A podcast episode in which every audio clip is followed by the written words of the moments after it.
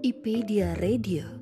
Ini adalah tentang rasa, asa, dan hasrat, mengupas dari sisi yang berbeda, menghadirkan pilihan untuk bisa bersikap, memahami, dan menghargai, mengkritisi tanpa menghakimi. Ini adalah tentang kami, perempuan dengan segala dimensi, dunia yang teramat asik untuk diulik. Ini adalah IPedia Radio, teman baik dunia perempuan.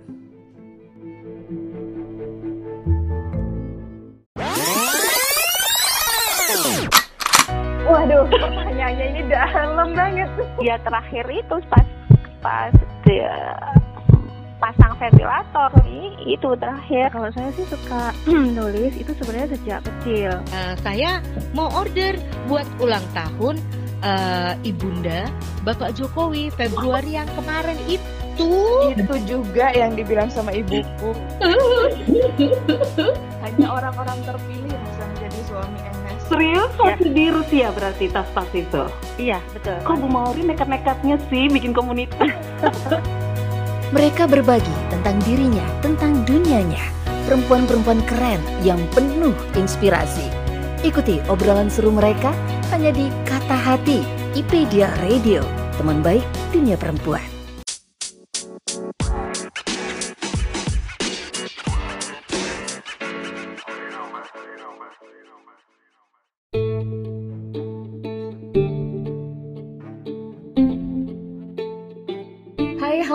Kabar teman baik Wikipedia Radio? Saya Indah Laras kembali hadir untuk teman baik semua di segmen Kata Hati. Selama lebih kurang 30 menitan saya akan menemani teman baik untuk ngobrol seputar hal-hal yang berkaitan dengan dunia perempuan.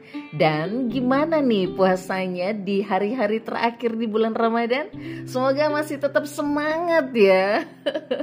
masih tetap sehat-sehat saja dan juga bahagia untuk menjalankannya. Dan juga semoga di hari hari terakhir kualitas ibadah kita juga semakin baik ya di bulan Ramadan ini.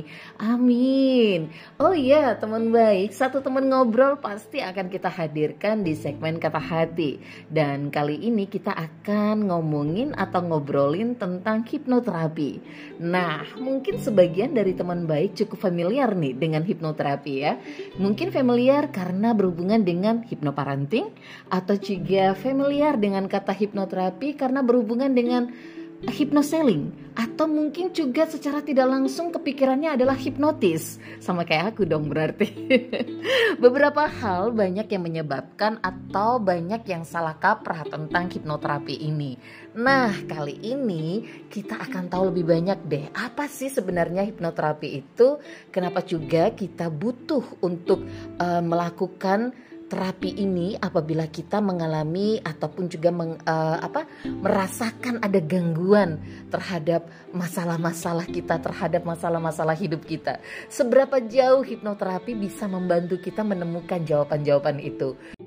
Yuk ikuti obrolan saya bersama Dian Eka Ningrum seorang certified hypnotherapist.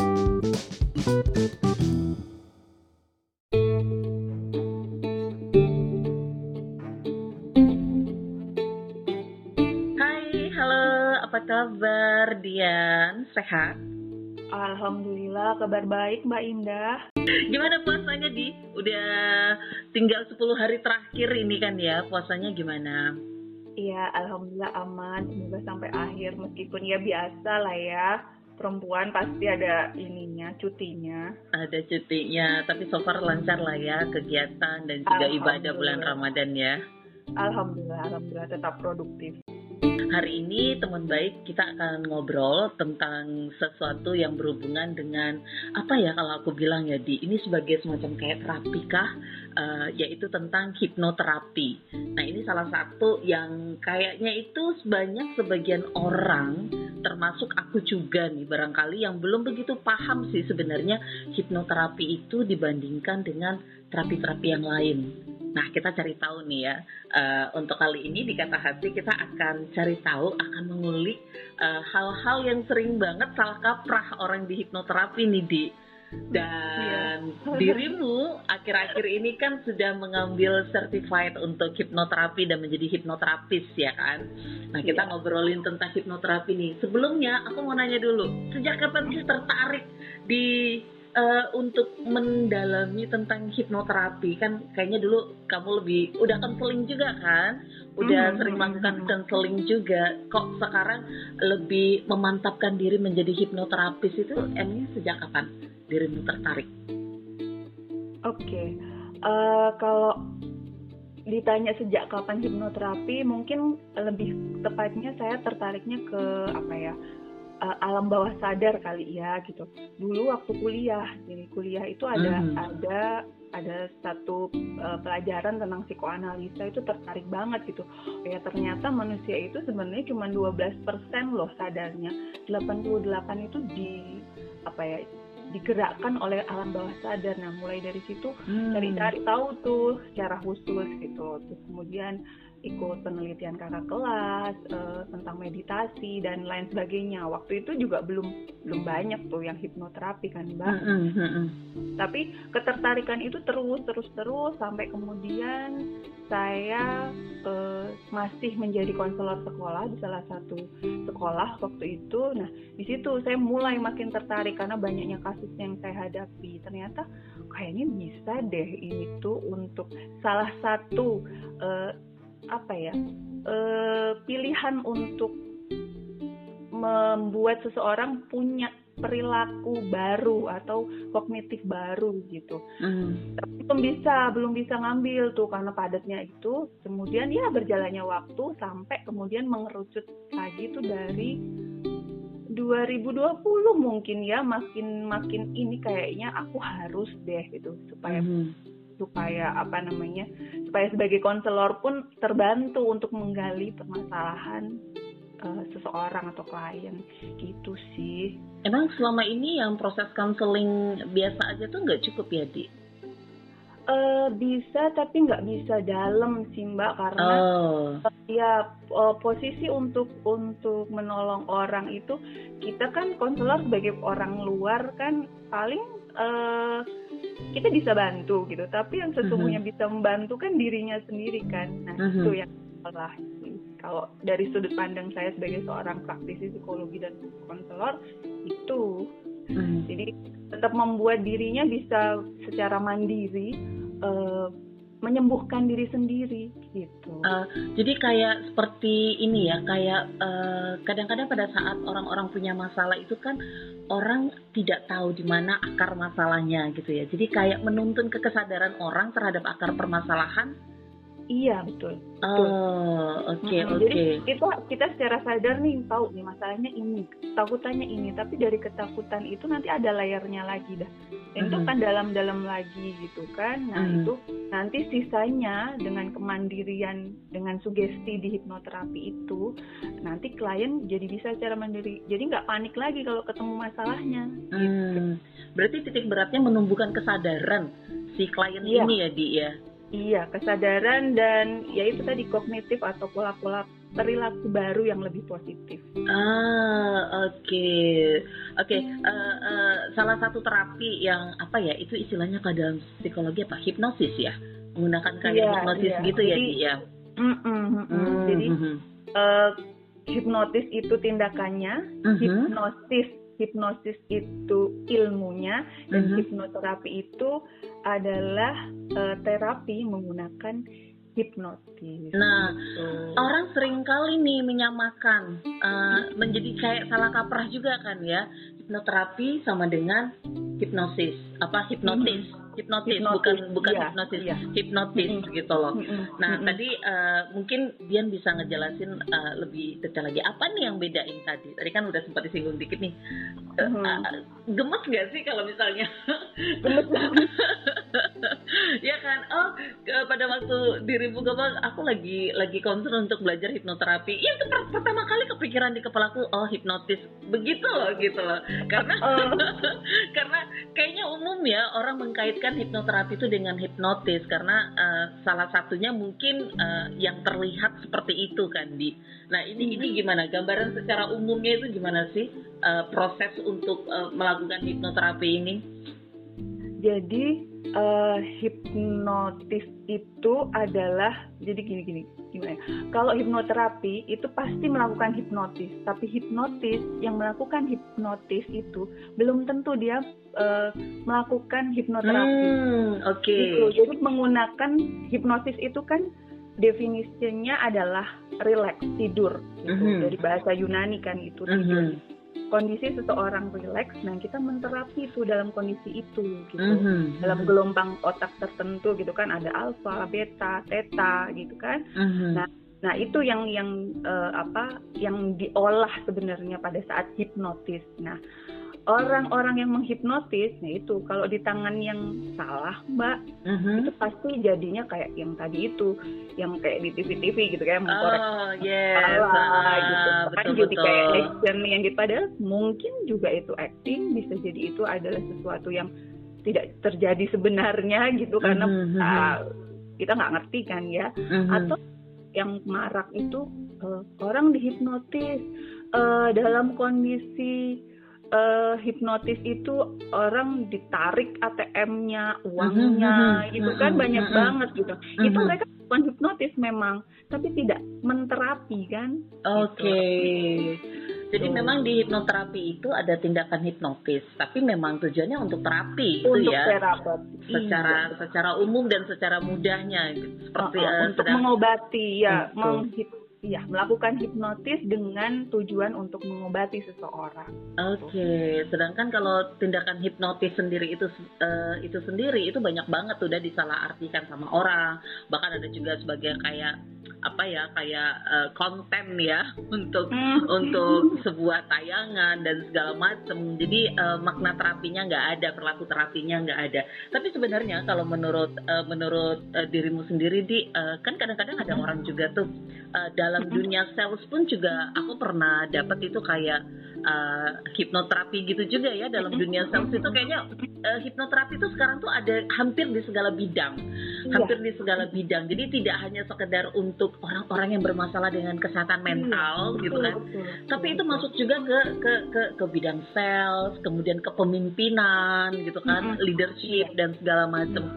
Eh, sebenarnya selain tadi menumbuhkan kesadaran eh, yang di awal-awal tadi kita sampaikan apa sih sebenarnya tujuan besar dari eh, kita atau eh, apa atau terapi hipnoterapi ini sebenarnya di Eh, tujuan besarnya ya eh, lebih membuat seseorang itu berkembang ses- apa ya sesuai dengan kapasitas maksimalnya. Gitu. Karena kadang kadang kita nggak nggak sadar kapasitasnya tuh gede tapi dengan banyaknya kejadian di di dalam kehidupan gitu kita akhirnya Mhm. mengecilkan diri sendiri gitu. Hmm. ada ketakutan-ketakutan yang masuk? Nah itu yang di apa ya dibenahi. Alam bawah sadarnya itu dibenahi gitu loh mbak. Jadi makanya setiap kehidupan itu dengan tujuan masing-masing ada. Kemudian berkembang hipnot birthing hipno selling hipno Mhm. teaching hipno parenting yang terakhir Mhm. ini eh, ini makin marak nih hipno parenting gimana membuat anak-anak apa mau menurut kayak gitu-gitu kan Mhm. Gitu. itu sih jadi eh, apa namanya eh, tujuan besarnya supaya tadi itu membuat seseorang eh, seseorang atau klien itu Mhm. bertumbuh dengan kapasitas maksimalnya gitu. Ah, oke ya sesuai fitrahnya mungkin ya bahasanya Eh, aku tadi sempat cari-cari eh, materi tentang hipnoterapi gitu ya, mau cari-cari googling-googling apa sih sebenarnya hipnoterapi ini secara detailnya gitu. Kemudian ada satu berita di situ yang sempat terbaca olehku. Eh, Yura, seorang penyanyi itu melakukan hipnoterapi untuk latihan nyanyinya karena dia ternyata tidak pernah bisa mencapai nada-nada yang tinggi. Pada waktu Iya. melakukan hipnoterapi ketemu bahwa ada pengalaman masa kecil sehingga ada ketakutan sehingga dia nggak bisa mencapai nada-nada tinggi itu. Kemudian eh, dilakukanlah hipnoterapi itu. Nah melihat itu kan aku ngelihatnya gini luas banget ya sebenarnya untuk eh, melakukan hipnoterapi yang seperti tadi Dian bilang. Aku juga tadi Mhm. udah ngasih contoh juga. Ada di dunia sales juga kemudian di parenting dan di segala macam tapi kan ada orang yang bisa berhasil tapi ada juga orang yang kayak nggak bisa berhasil gitu loh di. Betul betul betul jadi waktu waktu pernah di kantor tuh ada kayak hypnoselling gitu aku maju kok nggak bisa berhasil di aku ya? Nggak ada syaratnya emang mbak ada syaratnya. Oke. itu sebenarnya Hmm. faktor keberhasilan itu ditentukan oleh apa sih? Eh, jadi kalau hipnoterapi itu ya sama sih kayak kayak kalau kita ke dokter gitu ya ada ada Mhm. tiga poin sih ada tiga poin ada syarat sih di mana eh, hipnoterapi itu berhasil yang pertama itu harus rela ikhlas tulus mau jadi itu berdasarkan dari eh, panggilan diri sendiri oke Mhm. aku mau di hipnoterapi gitu apa pun tujuan dia datang ke terapis ya Mhm. Tuh, yang pertama harus rela dulu, harus tulus dulu, harus mau dulu gitu loh. Pasrah lah katakanlah ya. Mhm. Kemudian yang kedua komunikatif. Nah, komunikatif ini eh, apa ya? Jadi bisa diajak diajak bicara. Jadi tidak ada masalah em, apa ya? Tidak ada masalah atau kendala komunikatif. Itu makanya kenapa pada awal saya belajar juga ditekankan bagaimana eh, apa ya kalau ada yang bertanya tentang apakah autism bisa disembuhkan dengan hipnoterapi tidak karena beliau atau orang-orang atau anak-anak dengan autisme tidak bisa ap- ada kendala komunikasi kan mbak untuk Mhm. fokus komunikasi jadi tidak bisa Oh, Oke, Itu- oke. tapi pada dasarnya semua orang bisa dihipnotis gitu Hmm. kecuali dengan dengan apa kecuali dengan tadi ada ada kondisi tertentu seperti autism sepertinya tidak mungkin kemudian yang ketiga fokus dan konsentrasi nah ini nih mungkin Mbak Indah eh, termasuk yang ketiga ini fokus dan konsentrasi gitu orangnya eh, eh, orangnya apa namanya punya satu punya satu nilai kritikal sendiri Ah, gitu. ah, gitu Iya, ya. Jadi ada hubungannya dengan yang nomor satu. Jadi nolak dulu. Oh Mhm. enggak. Oh, jadi eh, atau mungkin syarat ketiga yang ini fokus dan konsentrasi ini eh, orangnya susah susah fokus. Dia linglung. Jadi nggak nggak bisa tek harus kayak gini. Jadi berlompatan pikirannya. Nah itu kayaknya aku berlompatan pikiranku.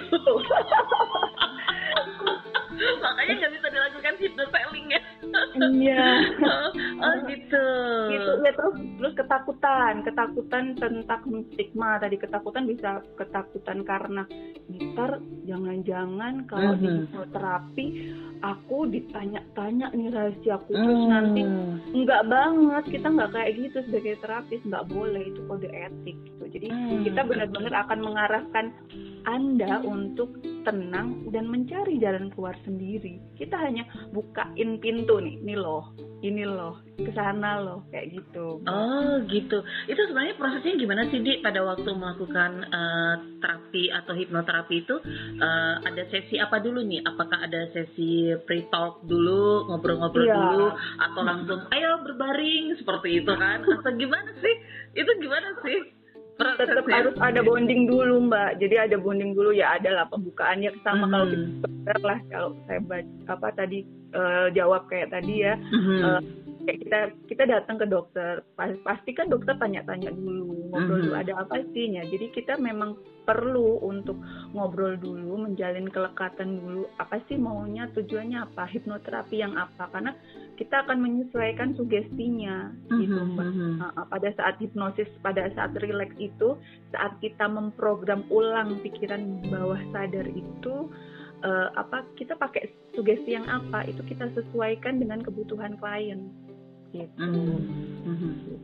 Uh-uh. itu itu biasanya akan tergali dan ini ya tergali eh, masalah utamanya di mana gitu ya Iya. yang iya, menyebabkan iya. dia seperti itu ya Mm-mm. Jadi minimal biasanya minimal untuk gejala ringan gitu kan. eh, Mhm. kita kita tiga kali tiga kali pertemuan biasanya atau sekali pertemuan bisa kalau masalahnya tidak intens gitu nah, Oh. ketakutannya atau apa gitu kebetulan sih eh, sejauh ini saya praktek beberapa lebih banyak pada trauma dan pengasuhan masa lalu gitu. Jadi Oh. ya dari mulai level level yang yang bisa ditangani dengan satu kali pertemuan ada yang nanti ada 2 sampai tiga kali gitu mbak. Oh, itu biasanya kalau dalam satu sesi terapi gitu berapa jam di bisa sejam dua jam kah atau menyesuaikan kebutuhan klien sih mbak. Tapi maksimal kita dua jam. Oh Ya, Tiap sesi kita batasi maksimal dua jam dengan paling a- ada beberapa teman yang bisa 15 gitu, 15 cuman 15 menit karena eh, kliennya cukup bisa langsung gampang move on gitu loh. Fokusnya langsung oh ya tek tek tek tek langsung bisa menemukan jalannya gitu. Ada ada tipe orang yang seperti itu, tapi normal sejauh ini ketika saya praktek itu paling cepat 50 lah, 45 50 menit Hmm. dari mulai tahapan kita ngobrol eh, awal bonding kemudian- itu tadi ya. iya eh, Mhm. kemudian tadi yang kedua kita kita rilekskan dulu Mhm. sampai kemudian kita eh, memasukkan sugesti-sugesti itu jadi induksi namanya induksi ada kemudian nanti kita dalemin lagi namanya deepening gitu sampai Hmm. kemudian nanti kita ngebalikin ke kondisi kesadaran itu jadi ada enam enam langkah lah gitu. Jadi nanti kalau dikorek tuh banyak banget. Nanti kita nggak cukup ngobrolnya nih mbak. Hmm. itu kalau ada saya ada enam tahapan gitu. Jadi ada enam tahapan untuk bisa sampai dari mulai kita ngobrol awal sampai kemudian kita mengembalikan ke kesadaran eh, penuh ke klien. Ada enam Itu- tahapan. itu berarti eh, pada saat proses terapi berjalan itu yang tadi kan eh, Dian bilang eh, tahap terakhir itu adalah mengembalikan kesadaran penuh si klien gitu. Berarti dalam proses terapi itu dalam posisi tidur tidur. relax atau tidur iya Oh. Jadi memanfaatkan memanfaatkan gelombang eh, gelombang setel saat kita, kayak kayak kita mau tidur Kayak Mbak. tidak mau tidur ya ya. itu Iya. eh, yang orang juga suka bilang ya kalau kalau hipnoparenting kan juga menggunakan waktu itu ya untuk Iya. mengajak anak misalnya uh, berbicaralah yang baik sama anak atau mengajarkan hal-hal yang baik itu pada saat anak mau terlelap itu loh pasti Mm-mm, nama iya. kondisinya nah itu kondisi yang benar-benar siaga menyerap segala sesuatunya itu betul betul jadi ada empat gelombang mbak jadi ada Mhm. empat gelombang eh, otak kan ya Mhm. kalau nggak salah jadi ada empat gelombang jadi kalau kita sadar itu namanya kita ada di gelombang beta Mhm. kemudian kemudian habis itu eh, di bawahnya lagi itu ada namanya gelombang alfa nah ini yang dinamakan eh, pintu gerbang pikiran alam bawah sadar jadi hipnosis state itu itu yang mulai anda jadi terapis nanti bilang anda relax anda relax jadi kita kita Hmm. udah oh, kayak nafasnya sudah mulai terlihat rileks terapis tahu itu nanti itu akan masuk ke gelombang selanjutnya yang namanya gelombang theta. Nah ini dinamakan udah masuk alam pikiran bawah sadar. Nah ini nah kita baru masukin sugesti di sini namanya deep hypnosis state. Nah, Mhm. itu di sini baru kita kita di tahapan yang di pening yang saya bilang tadi jadi memasukkan sugesti-sugesti baru menemukan jadi diinstal ulang diprogram ulang pikiran alam bawah sadarnya di Hmm. gelombang theta ini gitu.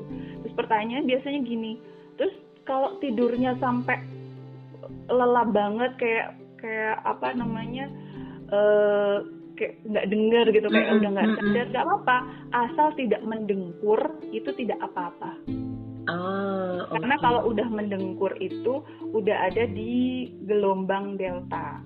Gelombang delta itu udah udah nggak sadar ya? bener-bener udah sa- eh, eh, bener-bener nggak sadar. Terus Hmm. gimana? Apakah dilanjutkan sebagai seorang terapi? Tetap dilanjutkan karena pada dasarnya dia tetap bisa mendengar mbak. Oh. jadi kayak orang koma kayak orang koma. Eh, apa itu yang gini ya? Aku tuh kadang-kadang aku nggak tahu ya istilahnya apa gitu ya di. Cuman selama menjadi ibu gitu ya dan Mhm. punya anak balita aku tuh tidur dalam kondisi tuh aku bisa mendengar apa pun. Ya ya aku tuh ya. kayak kayak iya jadi yang seperti dia bilang tadi walaupun tidur itu masih bisa mendengar ah iya Iya. I see sih. Aku tuh tidur itu masih bisa mendengar apa pun gitu loh di. Jadi orang Oh, ngomong apa bahkan kadang-kadang tuh suara suara yang lirih gitu aja tuh kita bisa denger gitu loh. Suara Nah. dia, nah.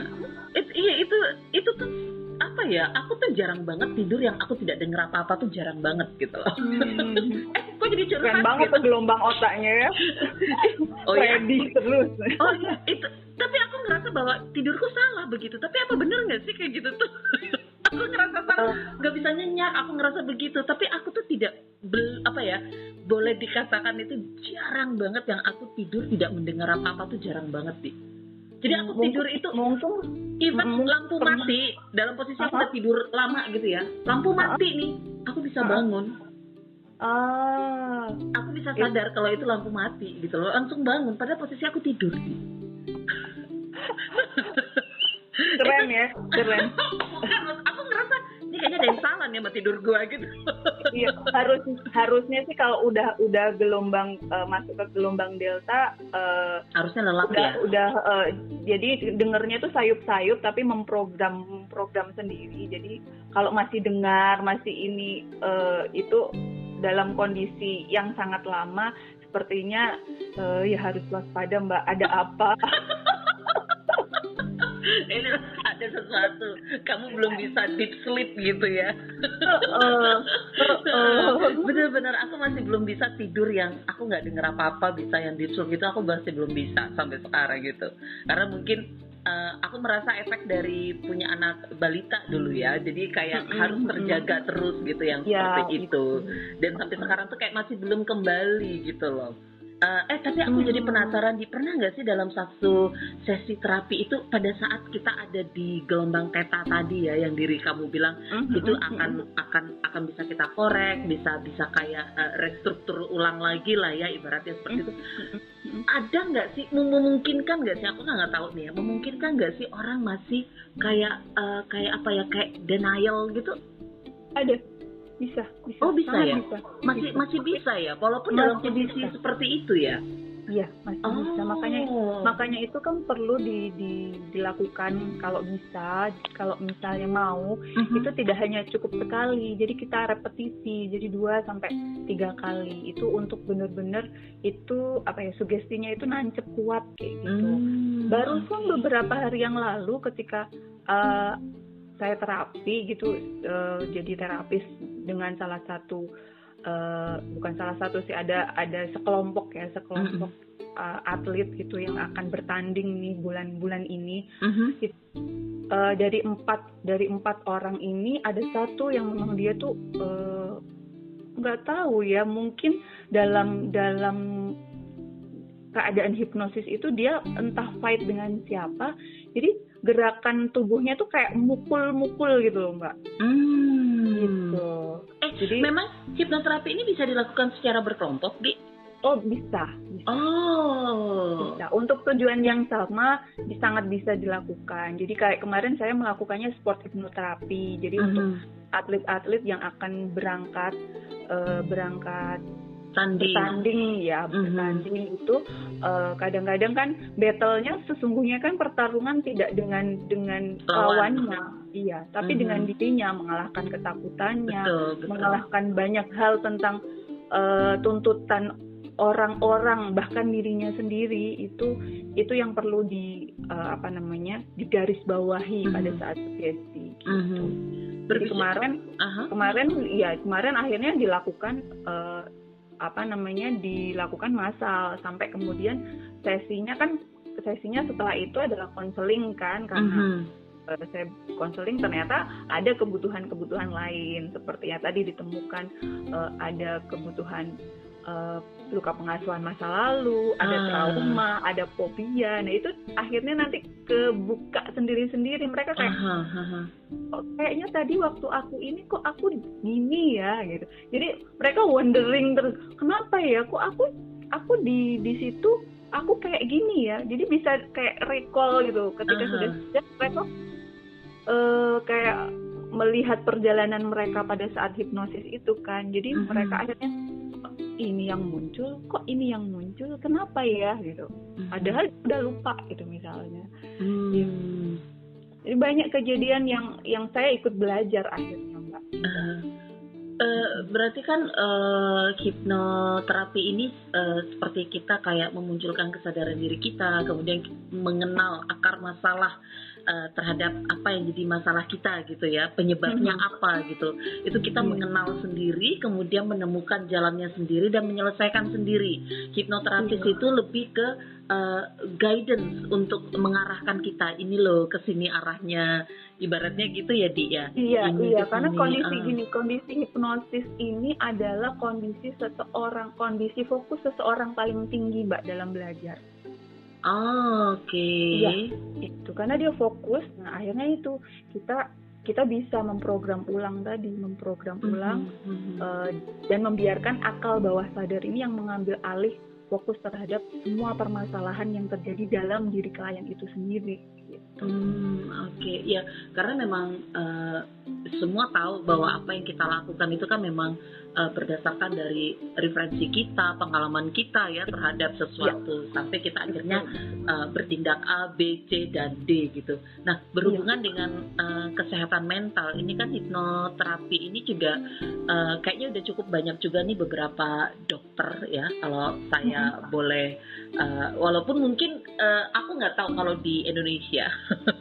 Kalau beberapa case-case di luar negeri gitu ya kalau misalnya uh, uh, suka searching-searching kemudian juga suka melihat film-film mereka gitu Uh, setiap orang yang sakit itu pasti di- selalu dilihat dari mentalnya gitu dari Iya. sisi mentalnya dan salah satu terapi yang memang dianjurkan itu adalah hipnoterapi ya hipnoterapi Betul, untuk si iya. pasien ini gitu loh untuk dia Hmm. tahu kenapa misalnya uh, masalah ini nggak cuma sekedar luka atau masalah ini cuma nggak sekedar cancer ini nggak cuma sekedar kamu sakit ini tapi ada Mm-mm. uh, ada ada hal lain yang lebih dari itu. Jadi kayak apa ya aku ngeliat bahwa uh, kesehatan mental kita yang saat ini uh, digaung-gaungkan beberapa waktu terakhir kan ya di ya.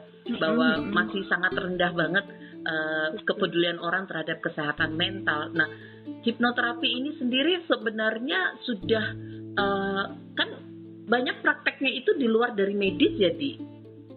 Maksudnya gitu kan ya kalau di iya, Indonesia iya. itu ya tidak menjadi satu kesatuan dari bagian pengobatan misalnya begitu orang-orang yang mau melakukan hipnoterapi ini harus berdasarkan uh, dari dokter kah atau bisa sendiri kah atau bagaimana gitu enggak, enggak. Kalau di Indonesia ada asosiasinya, Mbak. Jadi hmm. Eh, jadi ada beberapa yang kemudian eh, membuat asosiasi sendiri gitu secara mandiri meskipun lisensinya tetap eh, biasanya tuh dari NLP ya kalau nggak Hmm, salah hmm, gitu. hmm, hmm. Jadi tapi tapi eh, asosiasi dari hipnoterapis sendiri itu ada ada beberapa ada banyak macamnya gitu ada banyak macamnya gitu kalau saya sendiri eh, kebetulan saya mendapat guru dari eh, dokter Aisyah Dahlan gitu ketika Mhm. dengan dengan beliau pada saat saya mengambil sertifikasi ini eh, banyak dari banyak banyak sekali praktisi yang di luar dari dunia medis dan psikologi.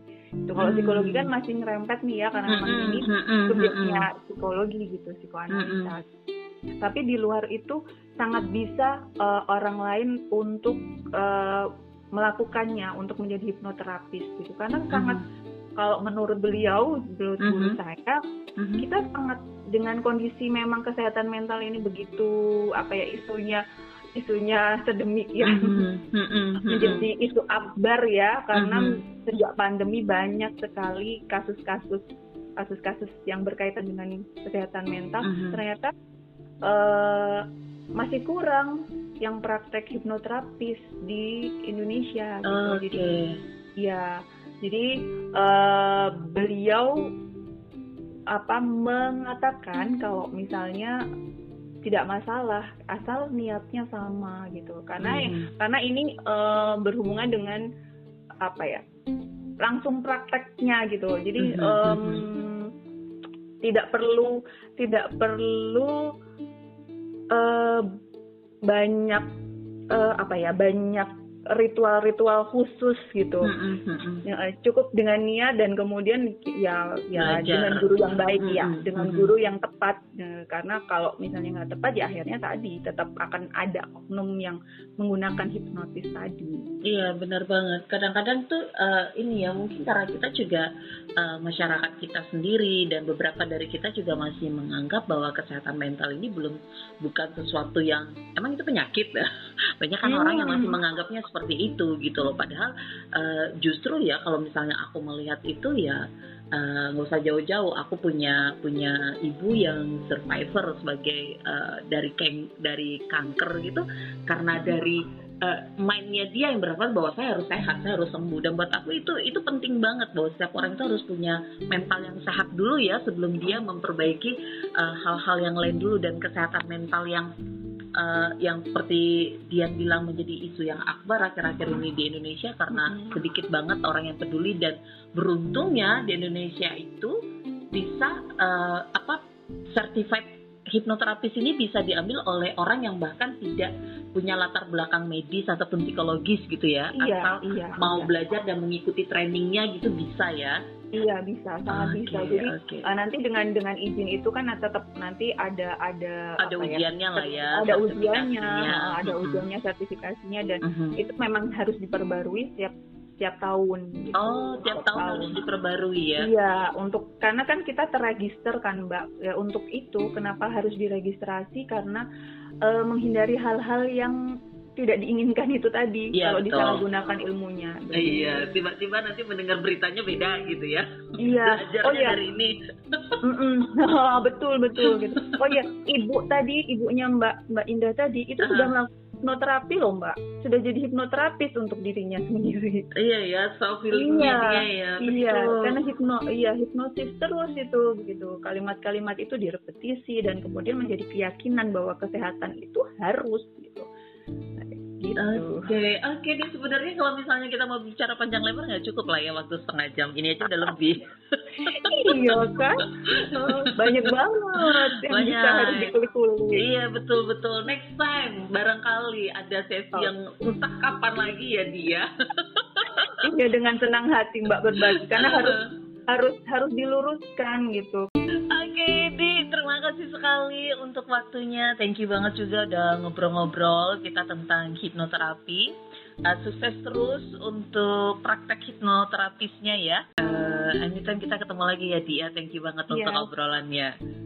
Terima Iya. kasih Kak Indah atas kesempatannya. Sama-sama. Wassalamualaikum warahmatullahi wabarakatuh. Waalaikumsalam warahmatullahi wabarakatuh.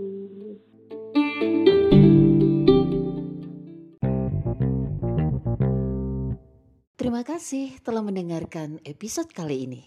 Tetap stay tune di IPedia Radio, teman baik dunia perempuan.